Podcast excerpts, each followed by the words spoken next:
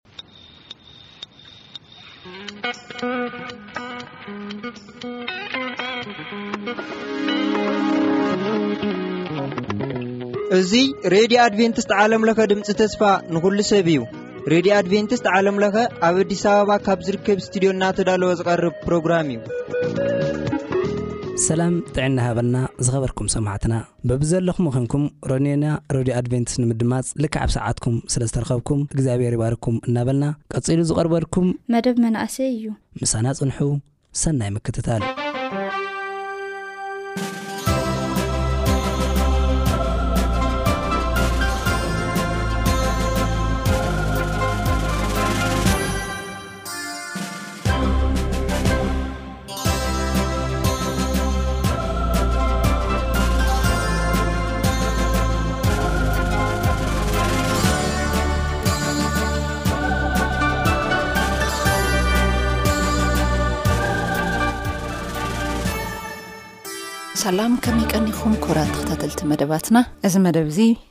መደብ መንእሰያት እዩ ሕጂ ሓቢርና ንከታተሎ ከኣኒ ብዛዕባ ናይ ኣብ ሓደ ዓዲ ኣብ ናይ ሶርያ ዝተገበረ እግዚኣብሄር ጣኦት ኣምለኽቲ ዝነበሩ ግን ከመይ ኢሎም እግዚኣብሄር ከም ዝተረድእዎ ከም ዝፈለጥዎ ድብል ሓቢርና ክንርኢ ኢና ቅድሚ ምእታውና ግን እቲ መደብና ብጸሎት ክንከፍቶ ኢና ቅኑዕን ቅዱስን ኣምላኽ ስለ ልኾንካ ነመስግነካ ብዙሕ ነገር እንተቐሪ ንስኻ ግን እስከ ሕጂ ካባና ስለ ለይተፈለኻ ኩሉ ነገር ክከም ዘድልየና ስለ ትለቀልና ነመስግነካ ሕጂ ድማ ዝቓልካ እዚ ከፊትና ነንብብ ብንመሃሃር እቲ ናይ ህይወት መምህር ዝኾንካ እስኻ ምሳና ክትዓስል እስኻ ናይ ህይወት መምህር ኮይንካ ንሰማዕትና ከተምህሮም ባርከ ህይወቶም ዝትርፉ ክኾንሎም ይምሕጸነካ ኣይትፍለየና ስለ ሽም የሱስ ኣሜን። ከምቲ ድበልኩኹም ኣብ መእተዊ ተኸታታሊ ንርእኦ ናይ መንእሰያት መደብ እዩ። እዚ መደብ እዚ ሒዘልኩም ዝቐረብኩ ሎማዕንቲ ከኣ ሳሌም ነጋሲ እየ።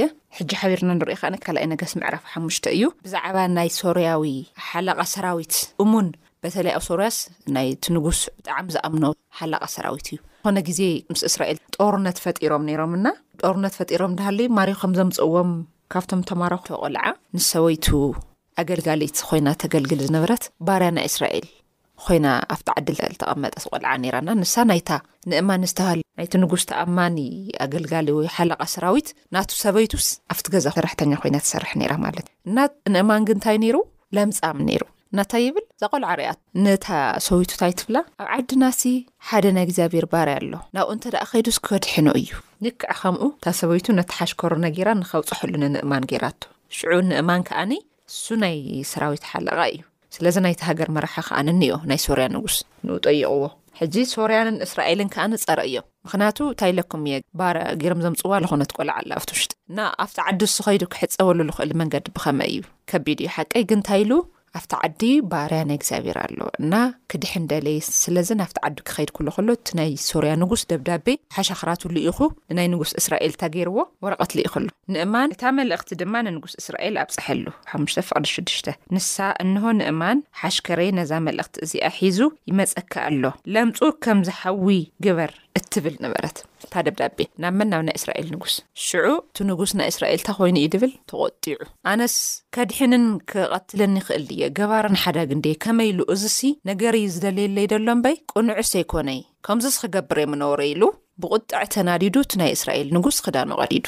በቲ ሽዑ ሰዓት ኣብ ዝተፈላለየ ቦታ እግዚኣብሄር ዝጥቀመሉ ዝነበረ ነብዪ ነይሩ፣ እቲ ነብዪ ንሱ ኤልሳእ እዩ ነይሩ። እንታይ ኢልዎ ኣብ ምዕራፍ ሓሙሽተ ፍቕዲ ሸሞንተ እቲ ናይ እግዚኣብሄር ሰብ ኤልሳእ ንንጉስ እስራኤል ክዳውንቲ ኸም ዝቐደደ ምስ ሰምዐ ናብቲ ንጉስ ልኢኹ ስለምንታይ ኢኻ ኽዳውንትኻ ዝቐደድካ? እቲ ሰብኣይ ኣብ እስራኤል ነብዪ ከም ዘሎ ኽፈልጥስ ናባይ ይምጻእ ኢልዎ። ስለዚ ንእማን በፍራሱ ብሰረገላታት መጺኡ ኣብ ኣፍ። ደገ ቤት ኤልሳእ ደው በለ። ኤልሳእ ከኣ ናብ ልኡኹ ሰዲዱ፣ ናብ ሩባ ዮርዳኖስ ኪድ እሞ ሸውዓተ ሻዕ ተሓጸብ፣ ስጋኻ ድማ ክሓዊ እዩ በሎ። ካብኡ እንታይ ይብል፣ ንእማን ግን ኮርዩ። ስለምንታይ? ዮርዳኖስ ማለት ሓደ ሰባት ከም ዝዛረቡ ከምዚ ዝራግ ማይ ነገር እዩ ዝመስል ዝብልዎ። እቲ ንጉስ ዝኾረየ እውንስ ሓደ እቲ ማይ ጽሩይ የኾነይ። ካልኣይ ለለታ እዩ ሓሲቡ ነይሩ ከምዚ ብኢዱ ዳህሲሱ ተማህሊሉ ከድሕኖ እዩ ሓሲቡ ነይሩ ኣነስ ብርግጽ ወጽዩ ብስም እግዚኣብሔር ኣምላኽ ተማህሊሉ ኣብ ልዕሊ እቲ ለምጺ ዘለዎ ስፍራ ብኢዱ ዳህሲሱ ዘሕወየኒ መሲሉኒ ነይሩ ካብ ኩሉ ማያትማ እስራኤልሲ ኣብ ደማስቆ ዘሎ ኣባና ፋርፋር ዝብሃል ሩባታት ግዳ ኣይበልጹን ኣብኡ ተሓጺበ ዶ ኣይምሓወኹን በለ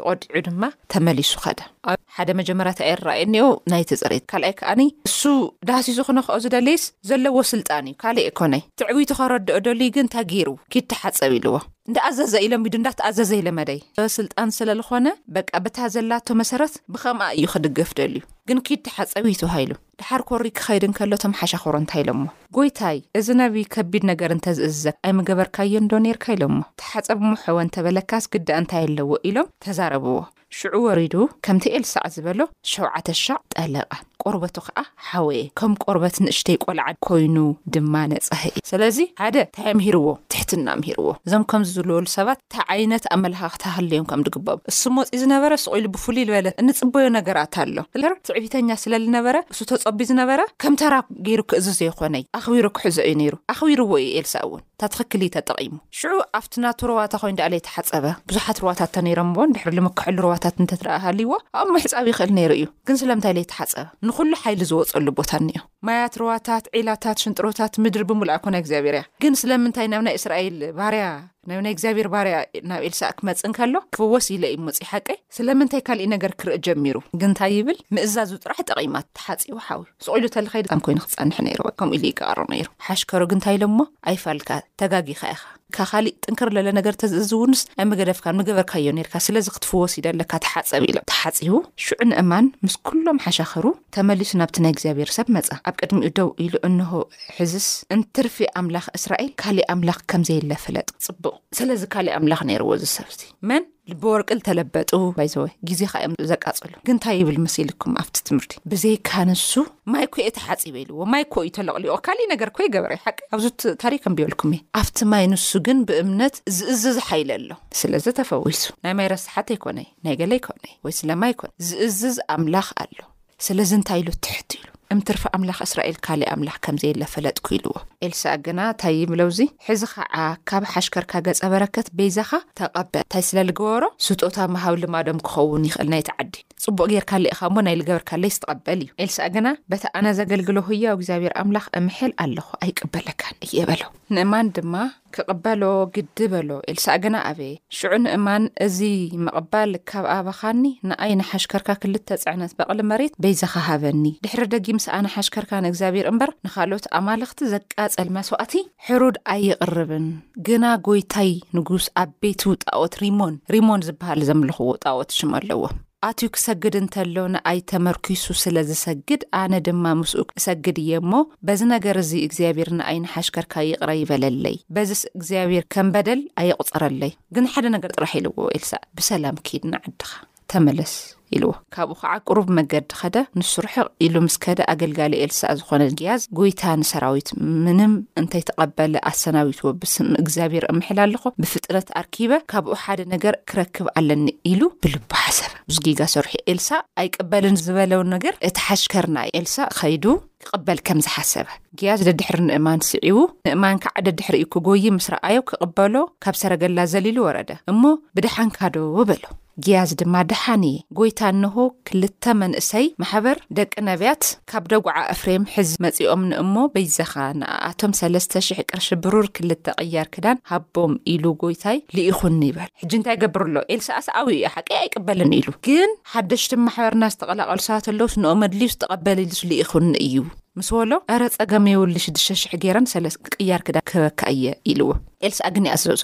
ሽዑ እንታይ ይብል? ንእማን ከዓ እረ ሽዱሽተ ሽሕ ቅርሺ ብሩር ውሰድ ኢሉ ግዲ በሎ። ሽዱሽተ ሽሕ ቅርሺ ብሩር ኣብ ኽልተ ከረጢት ኣሲሩ፣ ከምኡ ኽልተ ቕያር ክዳውንቲ ገይሩ ንኽልተ ሓሻኽሩ ሃቦም። ንሳቶም ድማ ተሰኪሞም ቅድሚ ግያዝ ከዱ። ኣብታ ኤልሳእ ዘለዋ ኾረብታ ምስ በጽሑ ከዓ ተቐቢሉ ኣብ ገዝኡ ኣንበሮ። ነቶም ሓሻኽር ንእማን ድማ ኣፋነዎም እሞ ኸዱ። ንሱ ኸዓ ኣትዩ ኣብ ቅድሚ ኤልሳእ ደው በለ። ኤልሳእ ድማ ግያዝ ካበይ መጺእኻ? በሎ። ሽዑ ከዓ ሓሽከርካ ናብ ዝኸድክዎ ይህብለይ። ስለዚ ኣብዚ እንታይ ገይሩ መሲልኩም ነቲ ንእማን ኤልሳእ እዩ ሊኢኽኒ ኢሉ እዩ ኸይዱ ኣቕሓ ተቐቢልዎ ኣብዚ ኸኣኒ ናብ ዝኸድክዎ ይብለይን ኢሉ ክልተ ነገር ከም ዝተጋጌ ንሱ ድማ ንእማን ካብ ሰረገላ ወሪዱ ክቐበለካ እንተሎ ልበይ ምሳኻ ኣይከደን ሎሚ ብሩርን ክዳውንትን ቦታን ኣትክልትን ዘይትን ወይንን ኣባጊዕን ኣብዑርን ሓሻኸርን ኣግራድን እተጥርየሉ ግዜ ድዩ እምበኣርከስ እቲ ለምጺ ንእማን ንዘለኣለም ኣባኻን ኣብ ዘርእኻን ይልገብ በሎ።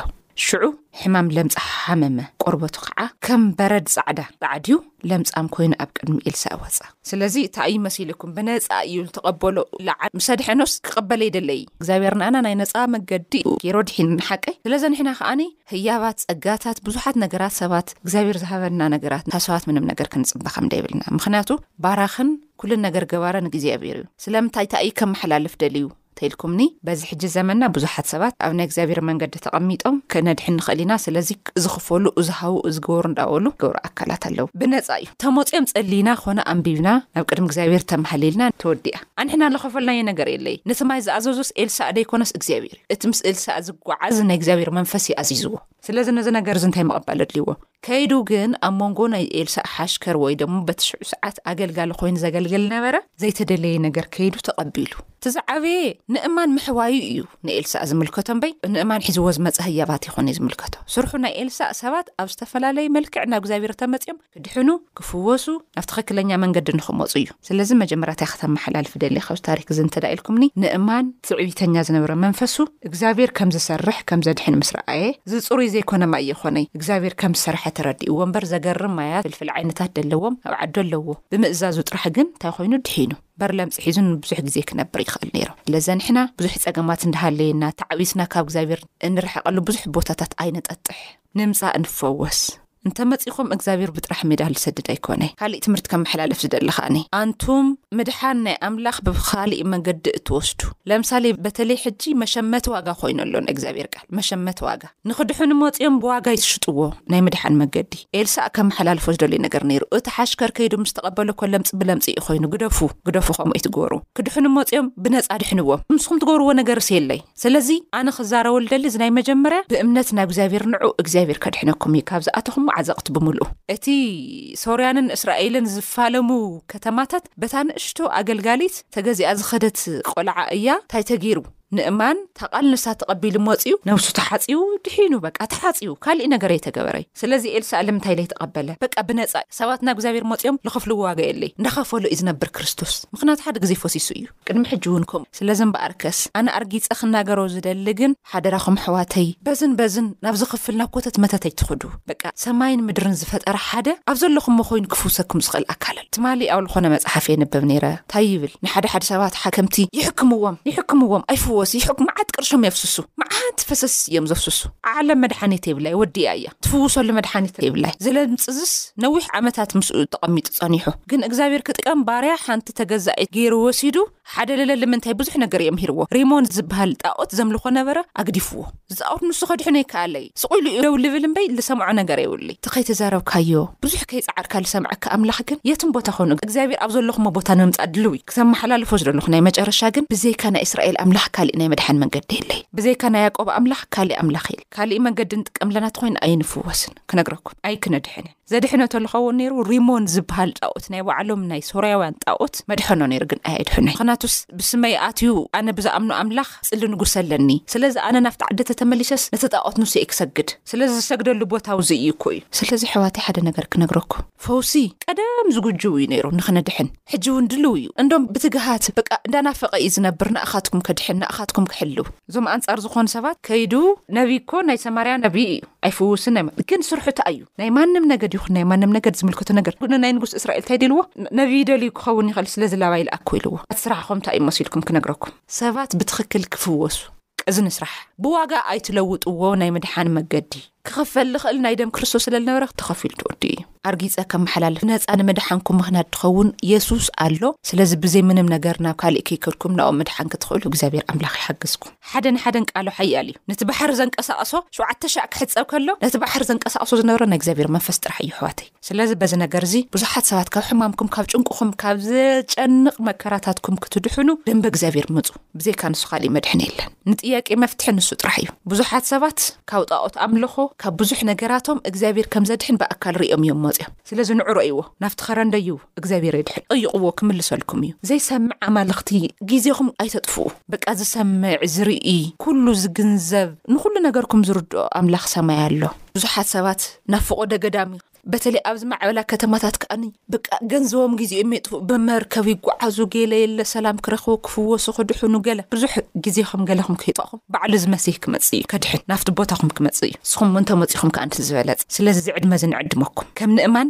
ብዝተፈላለየ ማህሰይቲ፣ ብዝተፈላለየ ሕማም፣ ብዝተፈላለየ ጭንቂ ተወጢርኪ ተወጢርኩም ተኣሲርኩም ዘለኹም ኣሕዋት ነፍሳት ሕጂ ድሉው እዩ። ናይ እግዚኣብሔር መንገዲ ንስኹም ኣብ ዘለኹሞ ቦታ መጺኡ ከድሕንን ንስኹም ናብኡ ንክትመጹ ድሉው እዩ። ስለዚ ብዙሕ ነገር ናብ ዝጠፍእ። ኡፍ ናብ ዘኽስረና ነገር ኣይንኽድ እዚ ነገር እዚ ተረዲኢና ኣምላኽ እስራኤል ምምላኽ ክንኽእል ንዘመንና ሙሉእ ከኣ ንኡ ኣኽቢርና ምሕላፍ ክንኽእል እግዛይ ኣምላኽ ጸጉ የብዝሐልና ብዙሕ ዓይነት ጥያቄ ሓሳባት እንተዝህልወኩም ብስልኪ መስመርና ባዶ ትሽዓተ ሰማንያን ትሽዓተን ሰብዓን ሸውዓተን ኣርብዓን ሓሙሽተን ተስዓ ብፖስታ ሳጽን ቁጽሪ ሚእትን ኣርብዓን ሓሙሽተን ኢልኩም ሓሳባትኩም ክትገልጹልና ትኸእሉ ኢኹም ዝተፈላለየ ቦታ ስራሕኩም ገዲፍኩም ሬድዮና ነቲ ሰምዑና ዘለኹም መደባት ከኣኒ እግዚኣብሔር ብዝበለጸ ይባርኽኩም ሰናይ ቀነ